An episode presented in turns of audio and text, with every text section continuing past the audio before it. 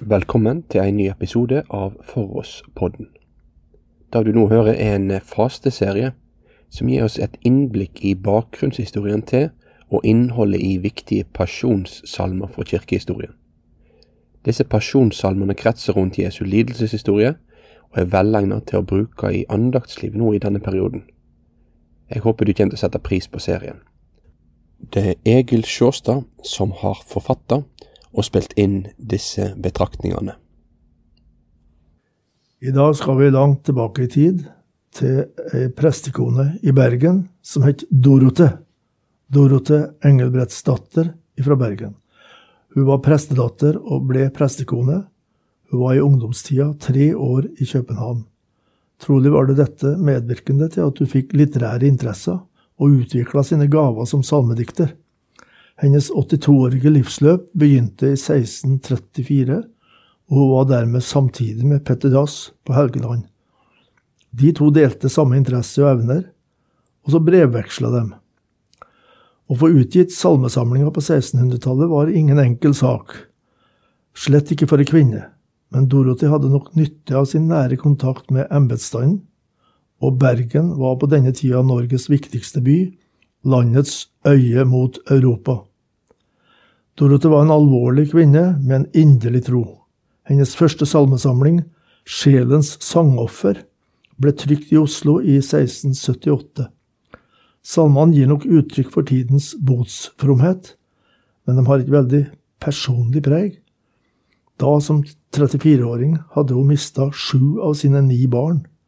Sjøl sa hun ny sorg forårsaket nye sanger. Hun var også meget realistisk og kunne beskrive livets slutt på dramatisk vis, i ei likkiste. Fire fjøler blir min prakt, ned på dem jeg blir lagt, med et laken og litt mer, eier ikke så en fjær. Petter Dass syntes for øvrig at hun kunne være noe sørgmodig, så han prøvde å oppmuntre Dorote. I et av brevene sine avsluttet han slik. En liten salutass, forresten, vil jeg sende. Mitt navn er Petter Dass, som bor mot verdens ende. Han bodde jo i Nord-Norge. I eldre år, som enke, opplevde Dorothe en av Bergens store bybranner. Hun mista heimen og fikk hjelp av myndighetene til nyetablering. I Sjelens sangoffer finner vi en typisk pasjonssalme. Her gjennomgår hun i 34 strofer sjølve lidelseshistorien men vi merker oss overskrifta Jesu Kristi hellige pines og døds salige bruk og tilegnelse. Dette er ikke vanlig god norsk språkføring i dag, men vi skjønner poenget. Det å tilegne seg Jesu Kristi hellige pine og døds, det dette betyr. Hun ønsker å ha fokus på det som skjedde, og at det var for oss, og at vi skal ta det til hjertene våre. Lidelseshistorien blir i hennes formidling et budskap som skal tilegnes.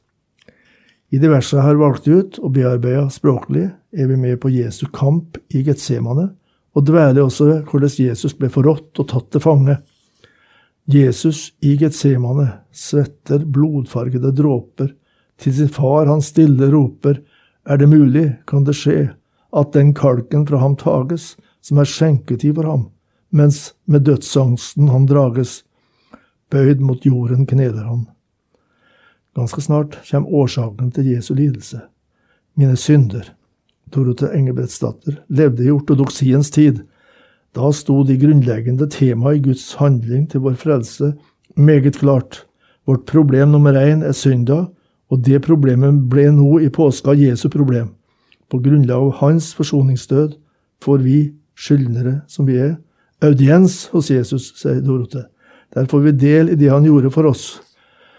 Disse tårer, denne strid, som du stred i hagen inne, akk, det var for synder mine. Du utsto den nattetid. Herre, å bortvis meg ikke, gi meg nådig audiens, at jeg kan din svette slikke og erfare hjerterens.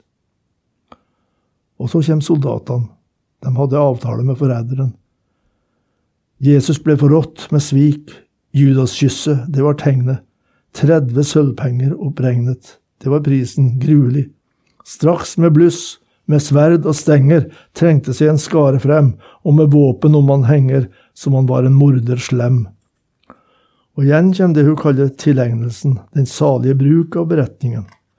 Herre, du som kysset ble, og av falskhet grovt angrepet og på alle sider knepet, om meg enn ved hykleri noen svikere antaster.